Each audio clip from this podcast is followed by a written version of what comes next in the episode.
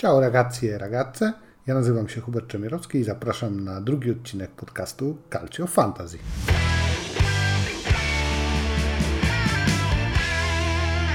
To już naprawdę niedługo. Za nieco ponad dwa dni usłyszymy pierwszy gwizdek inaugurujący nowy sezon włoskiej Serie A, sezon 2023-2024, a w momencie nagrywania tego podcastu w naszej lidze Fantasy Calcio, lidze Amici Sportivi, mamy zarejestrowanych ponad 300 drużyn, dokładnie 307. 307 pomyślałem, nie ma takiego ustawienia w naszej zabawie, dlatego drodzy amici, liczę na Was, liczę na Wasze wsparcie. Być może uda nam się dobić do systemu gry, który jest przewidziany przez platformę Real Może będziemy mieć 3-4-3 albo 3-5-2 mnie osobiście marzy się 5-4-1, ultradefensywna taktyka z jednym tylko wysuniętym napastnikiem, co oznaczałoby, że mielibyśmy ponad 500 zarejestrowanych ekip w naszej lidze. Wszystko w Waszych rękach. Y, wiem, że część z Was czeka, mm, aż nieco wykrystalizują się y, składy poszczególnych ekip Serie A, aż nieco opadnie kurz y, związany z letnim Mercato. Bardzo dziękuję za y, wszystkie głosy na naszej facebookowej grupie. Bardzo również chciałbym podziękować wszystkim osobom, które przesłuchały pierwszy odcinek podcastu na Spotify'u i na innych platformach audio. I może od razu chciałbym się odnieść do kilku głosów z naszej dyskusji y, na grupie facebookowej y, Calcio Fantasy, ponieważ są to dwa bardzo istotne głosy w nawiązaniu do pierwszego odcinka, w nawiązaniu do zasad gry, którą wszyscy zamierzamy się bawić.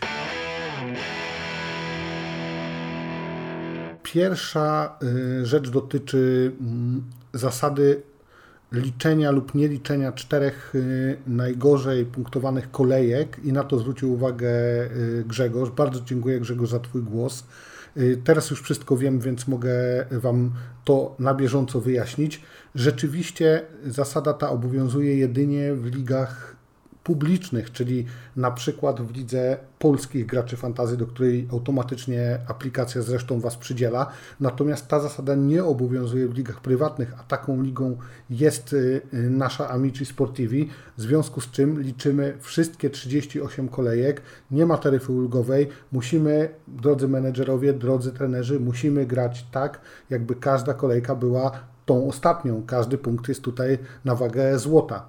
Drugą sprawą, którą chciałbym poruszyć, jest głos Magdy. Bardzo dziękuję, Magda. Szybko też wychwyciłaś to. A to jest mała zmiana, którą zafundowało nam Real Fevre, a dotyczy ona możliwości y, zmiany, podmiany zawodników w trakcie trwającej kolejki.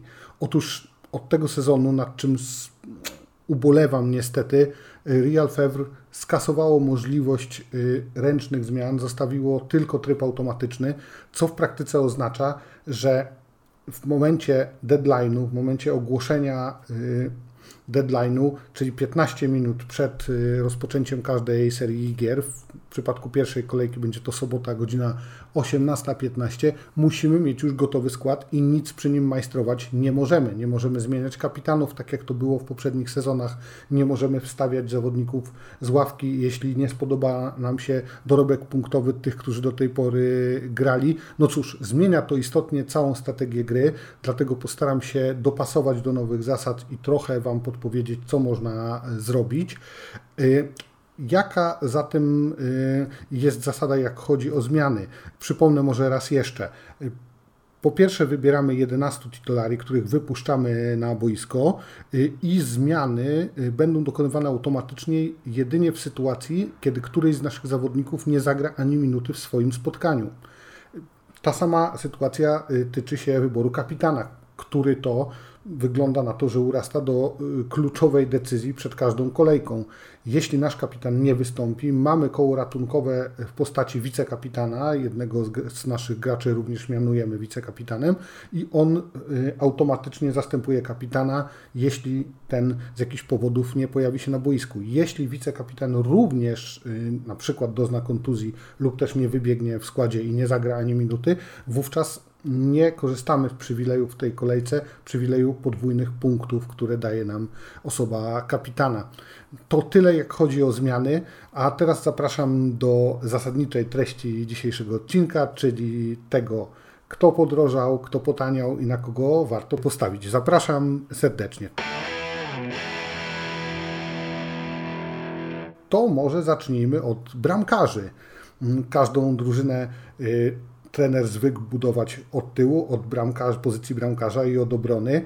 W tym roku y, Real Fevre zafundowało nam dosyć spłaszczoną mm, listę bramkarzy, jeśli chodzi o ich przedział cenowy. Bowiem za 5,5 miliona z naszych wirtualnych 100, które mamy do rozdysponowania pomiędzy 15 graczy, 11 podstawowych i 4 rezerwowych, y, za 5,5 miliona właściwie mamy dostępną całą ligową czołówkę goalkeeperów. 5,5 miliona y, kosztuje Alex Meret, y, Mike Mignon, Wojciech Szczęsny, 5,5 y, miliona kosztuje nowa jedynka Interu, czyli Jan Zomer. 5,5 y, miliona również zapłacicie za Iwana Provedela, rewelację poprzedniego sezonu i tutaj jest spora zwyżka cenowa, ale takie są konsekwencje y, dobrej formy i punktów, które, które ten bramkarz przynosił. Nieco mniej kosztuje Rui Patricio, bo 5 milionów. I teraz na co warto byłoby zwracać uwagę przy okazji y, wyboru bramkarza? No na pewno y, na to, czy drużyna, w której ten bramkarz występuje, y, często zachowuje czyste konto, bo na tym najwięcej będziemy zarabiać. Czy jest to podstawowy bramkarz, to jasne, ale czy będzie mieć szansę na czyste konto. Druga rzecz, na którą pewnie warto zwrócić uwagę, i to nie tylko w przypadku bramkarzy, ale każdego zawodnika, którego wypuszczamy w bój, to z kim, z jaką drużyną y, ekipa tego zawodnika będzie mierzyć się w najbliższej kolejce. I wracając do bramkarzy, logicznym wydaje się w pierwszej kolejce wybór chociażby Aleksa Mereta, ponieważ Napoli broniące tytułu z poprzedniego sezonu mistrz Włoch wyjeżdża na mecz z Frosinone Beniaminkiem, któremu wielkich szans bukmacherzy nie dają, eksperci nie dają, ale czy to oznacza, że Napoli uda się wywieźć trzy punkty i uda się wywieźć czyste konto? No, tego oczywiście nie wiemy. Natomiast sądzę, że wiele osób na Alexa Mereta postawi. Drugim takim wyborem, który warto by może rozważyć, to, to Mike Mignon. Bardzo dobry bramkarz, świetny y, goalkeeper, a Milan z kolei wyjeżdża na stadio Renato Dallara do, na mecz z Bolonią i czy napastnicy, pomocnicy Bolonii zdążą, zdają, dadzą radę ukuć Milan, zdobyć jakiegoś gola? No, tru, też trudno powiedzieć, ale tutaj też upatrywałbym szansy na, na czyste konto. Jeśli chodzi o obrońców, y, obrońcy będą nam y, punktować y, zarówno za czyste konta, jak i za występ, najlepiej powyżej godziny to jest premiowane dwoma punktami, ale oczywiście mogą dokładać do tego z większym prawdopodobieństwem niż bramkarze asysty i gole. I takich obrońców oczywiście w Serie A mamy. Mamy obrońców wybitnie nastawionych y, ofensywnie, z inklinacjami do ataku, do zapuszczania się po skrzydle y, w pole karne czy y, w, na połowę przeciwnika. No i pewnie tutaj kibicom i znawcom Calcio w pierwszym rzędzie przychodzi na myśl nazwisko Teo Hernandez, który zawsze gwarantuje gole, asysty, lubi dośrodkować, tam się sporo dzieje po jego akcjach. Natomiast Teo Hernandez oczywiście ma to swoje odzwierciedlenie w cenie, ponieważ jest najdroższym obrońcą z dostępnych, bo kosztuje 7 milionów. Może jak już o cenach, to troszkę powiedzmy jeszcze o budżecie. Mamy do y, wydania 100 milionów. Gdybyśmy chcieli równomiernie podzielić to 100 milionów na, pomiędzy 15 zawodników, to wyjdzie nam średnia około 6,6 miliona. Oczywiście nie podejrzewam żadnego gracza o taką strategię, aby uśrednić skład. Zazwyczaj gracze, menedżerowie wirtualni nasi starają się postawić na kilka gwiazd, na paru pozycjach y, przyoszczędzić. Wróćmy zatem jeszcze na chwilkę do obrońców i w ogóle do pozycji, jakie Real Fevre przypisuje poszczególnym graczom, bo tutaj jest parę niespodzianek.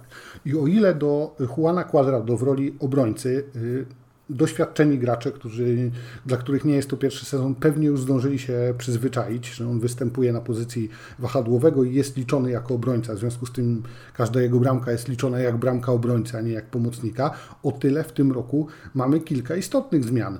Na przykład Real Fevre jako obrońcę y, postanowił potraktować y, również Filipa Kosticza, który w zeszłym sezonie zanotował całkiem przyzwoitą liczbę asyst jak na debiutancki y, sezon w Serie A i teraz też będzie traktowany jako właśnie obrońca. Jakie mamy jeszcze mm, inne tutaj niespodzianki? No na przykład Paulo Dybala, który w zeszłym sezonie był uznawany przez aplikację jako napastnik, w tym sezonie jest pomocnikiem, w związku z czym gdyby powtórzył dorobek, na przykład punktowy, strzelecki, go, a goli, asyst z poprzedniego sezonu, tych punktów byłoby odpowiednio więcej. Stefan El Sarawi, jak już jesteśmy przy zespole Romy, również jest w tym sezonie pomocnikiem. To też y, ciekawostka. Timothy Wea, nowy nabytek y, Juventusu, y, jest z kolei napastnikiem. Tutaj też y, można się zastanowić, y, na jakiej pozycji byście go y, ustawili. To może rzeczywiście teraz powiedzmy troszkę o gwiazdach, bo zazwyczaj każdy mm, menedżer jakąś wokół jakiejś gwiazdy swój zespół buduje. No możemy tutaj postawić na kogoś, kto nam będzie zapewniał, przynajmniej w teorii powinien zapewniać jak największą liczbę goli. No, Mamy najdroższego w całej y, talii asa Wiktora Ozimena, czyli poprzedniego króla strzelców y, kapokanonierę po ubiegłego sezonu, za którego będziecie musieli zapłacić 12,5 miliona. Mamy Ciro Immobile, odpowiednio, zdaje się, jeśli dobrze pamiętam, pół miliona y, tańszego. Mamy z pomocników Rafaela Leao, to jest też dosyć droga inwestycja, ale prawdopodobnie mm, taka, która powinna się zwrócić dosyć podrożał y, Federico Chiesa, który jest w niezłej y, formie fizycznej, pokazywał to w prekampionato i trzeba będzie na niego wyłożyć 10 milionów lub 10 z jakimś małym y, okładem. Jestem ciekaw, na kogo Wy zamierzacie postawić. Jak w każdym nadchodzącym sezonie mamy też nowe twarze, więc może teraz parę słów o tych zawodnikach, którzy zasilili właśnie Serie A, o ich cenach i o tym, czy warto na nich postawić. Y, na naszej grupie facebookowej, y, gdy zapytałem Was, czy macie już gotowe składy, y, kilka osób wstawiło już screeny swoich drużyn domyślam się, że są to pierwsze przymiarki, ale mm, wśród tych screenów bardzo często pojawiała się grafika z imieniem i nazwiskiem nowego nabytku Genoi, czyli Matteo Retegiego, który przebojem wdarł się do reprezentacji Włoch, y, strzelił mm, nawet bramkę y, i zdaje się, że sporo osób zamierza na niego postawić. Cena jest kusząca, 6 milionów, czyli nawet poniżej tej naszej średniej, jakbyśmy chcieli się tego trzymać. Czy będzie y, to dobry nabytek? To się y, przekonamy, ale myślę, że w, perspektywie na przykład trzeciego napastnika, myślę, to nazwisko można rozważyć. Przy okazji y, może mała ciekawostka, zazwyczaj staram się jakąś ciekawostką dotyczącą Włoch czy Półwyspu Apenińskiego dzielić z Wami na koniec każdego odcinka, ale tym razem wyjątkowo dorzucę coś w środku, y, z czego przed laty, przed wiekami w średniowieczu znana była Genua, no, pewnie część osób od razu powie, że z urodzenia czy z pochodzenia Krzysztofa Kolumba, on był Genueńczykiem, ale nie o tym dzisiaj. Genua w średniowieczu była miastem, z którego rekrutowano najlepszych w Europie płatnych zabójców. Zabójców, którzy mm, potrafili unieszkodliwiać swoje cele, swoje ofiary z daleka za pomocą kuszy, ale także z bliska za pomocą sztyletu lub też trutki.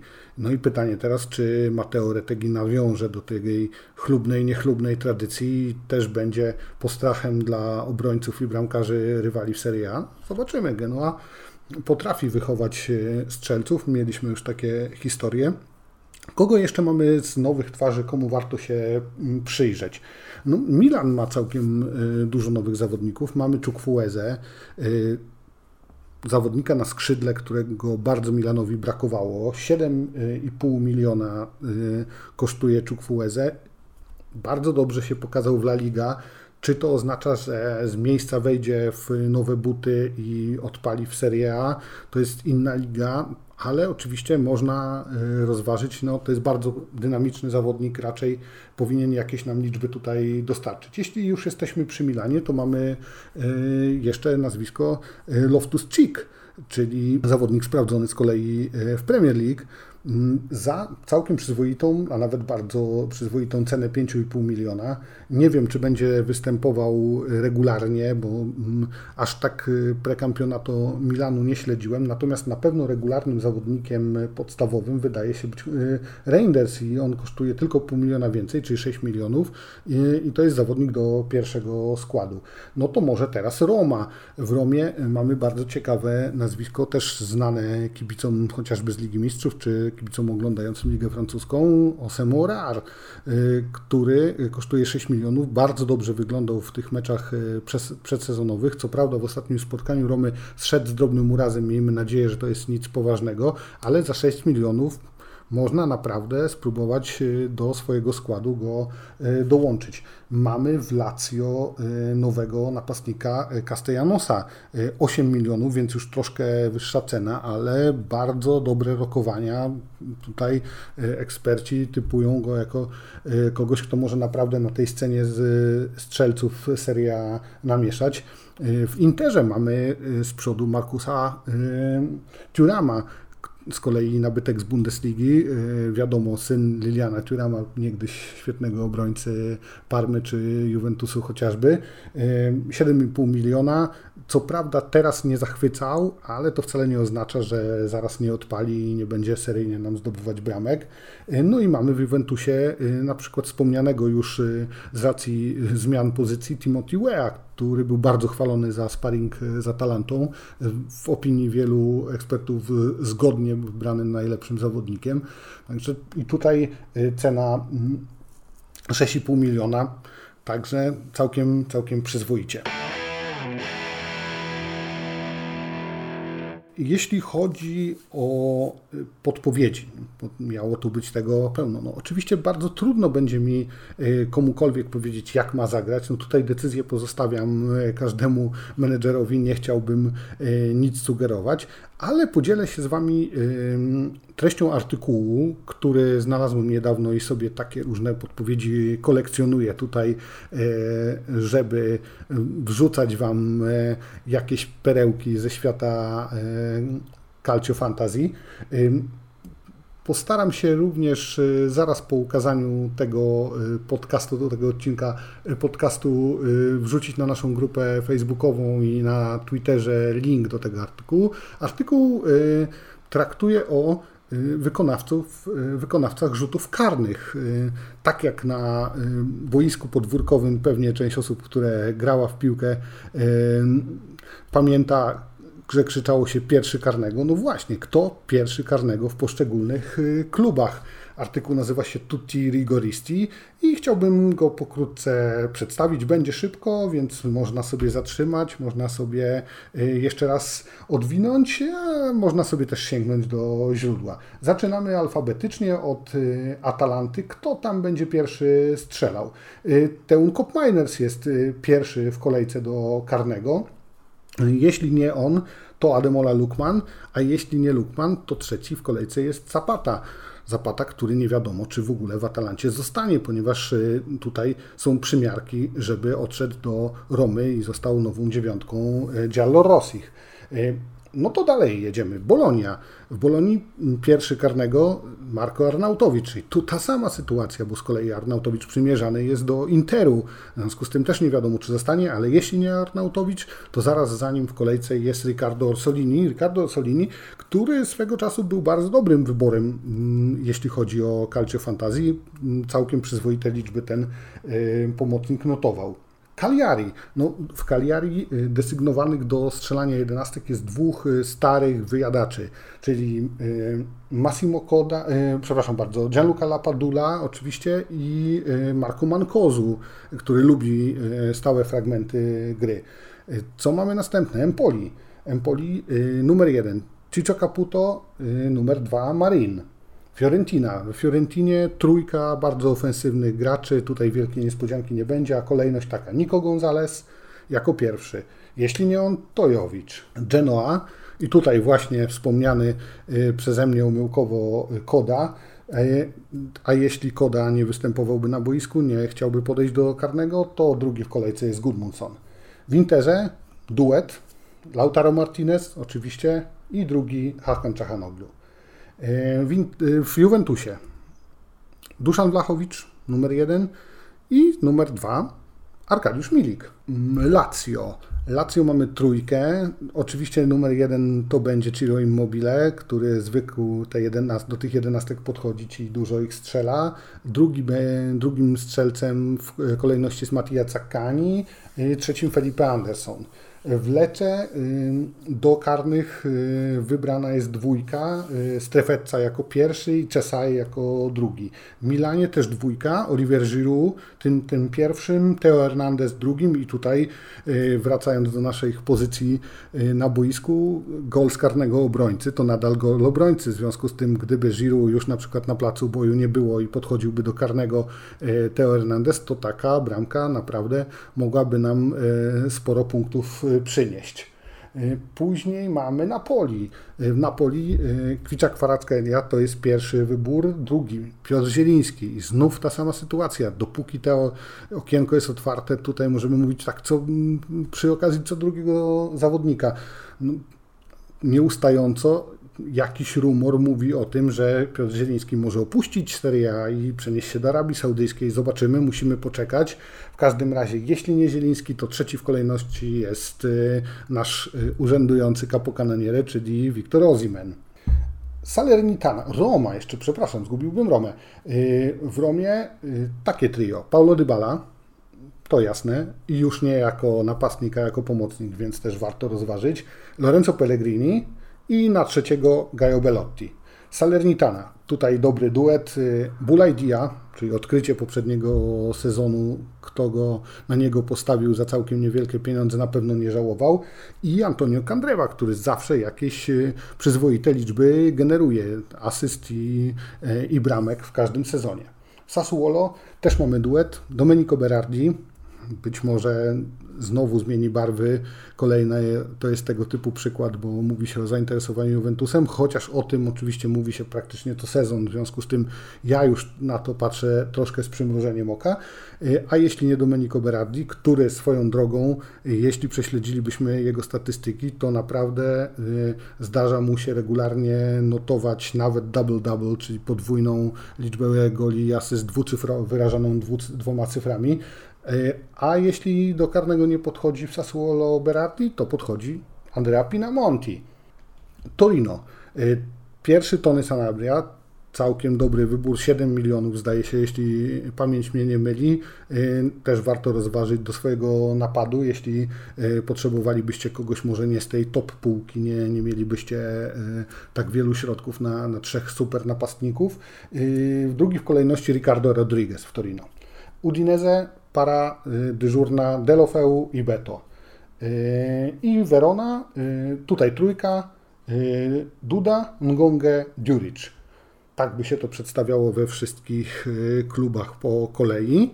Mm, no to mamy już wszystkich tutti rigoristi. Czy dla Was to przydatne? Dajcie znać, jestem bardzo ciekawy.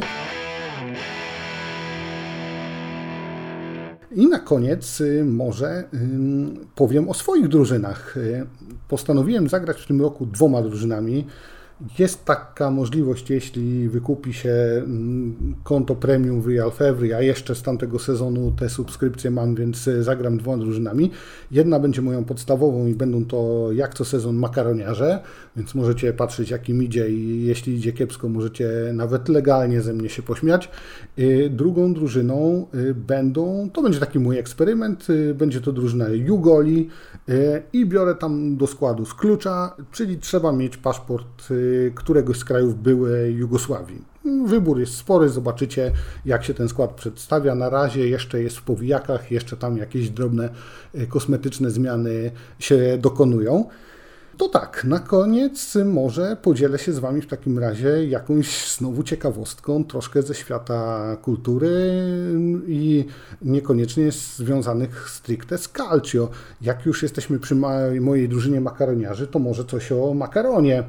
Y, ale żeby nie było tak całkiem w oderwaniu od, od piłki nożnej, od świata calcio, to dziś o dwóch y, ulubionych potrawach y, klubów Serie A.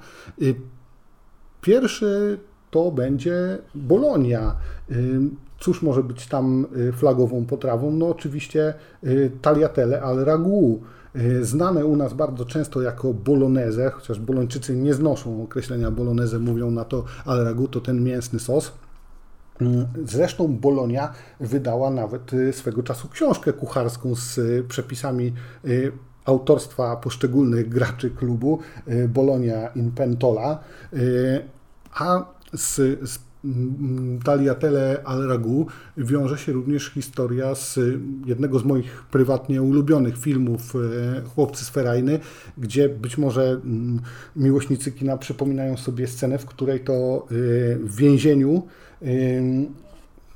Wini, niejaki Wini, grany przez y, ojca reżysera Martina Scorsese, przygotowuje właśnie y, sos ragu, e, a dwóch gangsterów, jeden z nich grany jest przez Reya Lajotę świętej pamięci, a drugi przez y, Roberta De Niro, zaciekle dyskutują o tym, czy do sosu y, ragu powinno się dodawać cebuli czy czosnku, przy czym zbliżenie y, winiego siekającego z chirurgiczną precyzją y, czosnek na cieniuteńkie kawałeczki sugerowałoby raczej tę drugą opcję.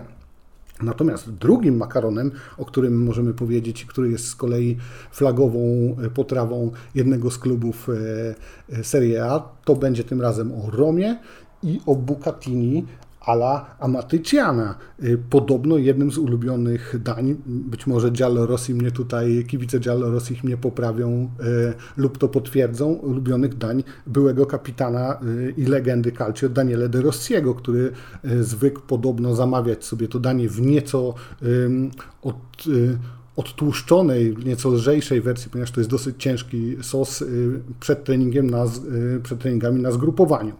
Y, to takie y, dwie ciekawostki a propos y, kulinariów i włoskiej pasty.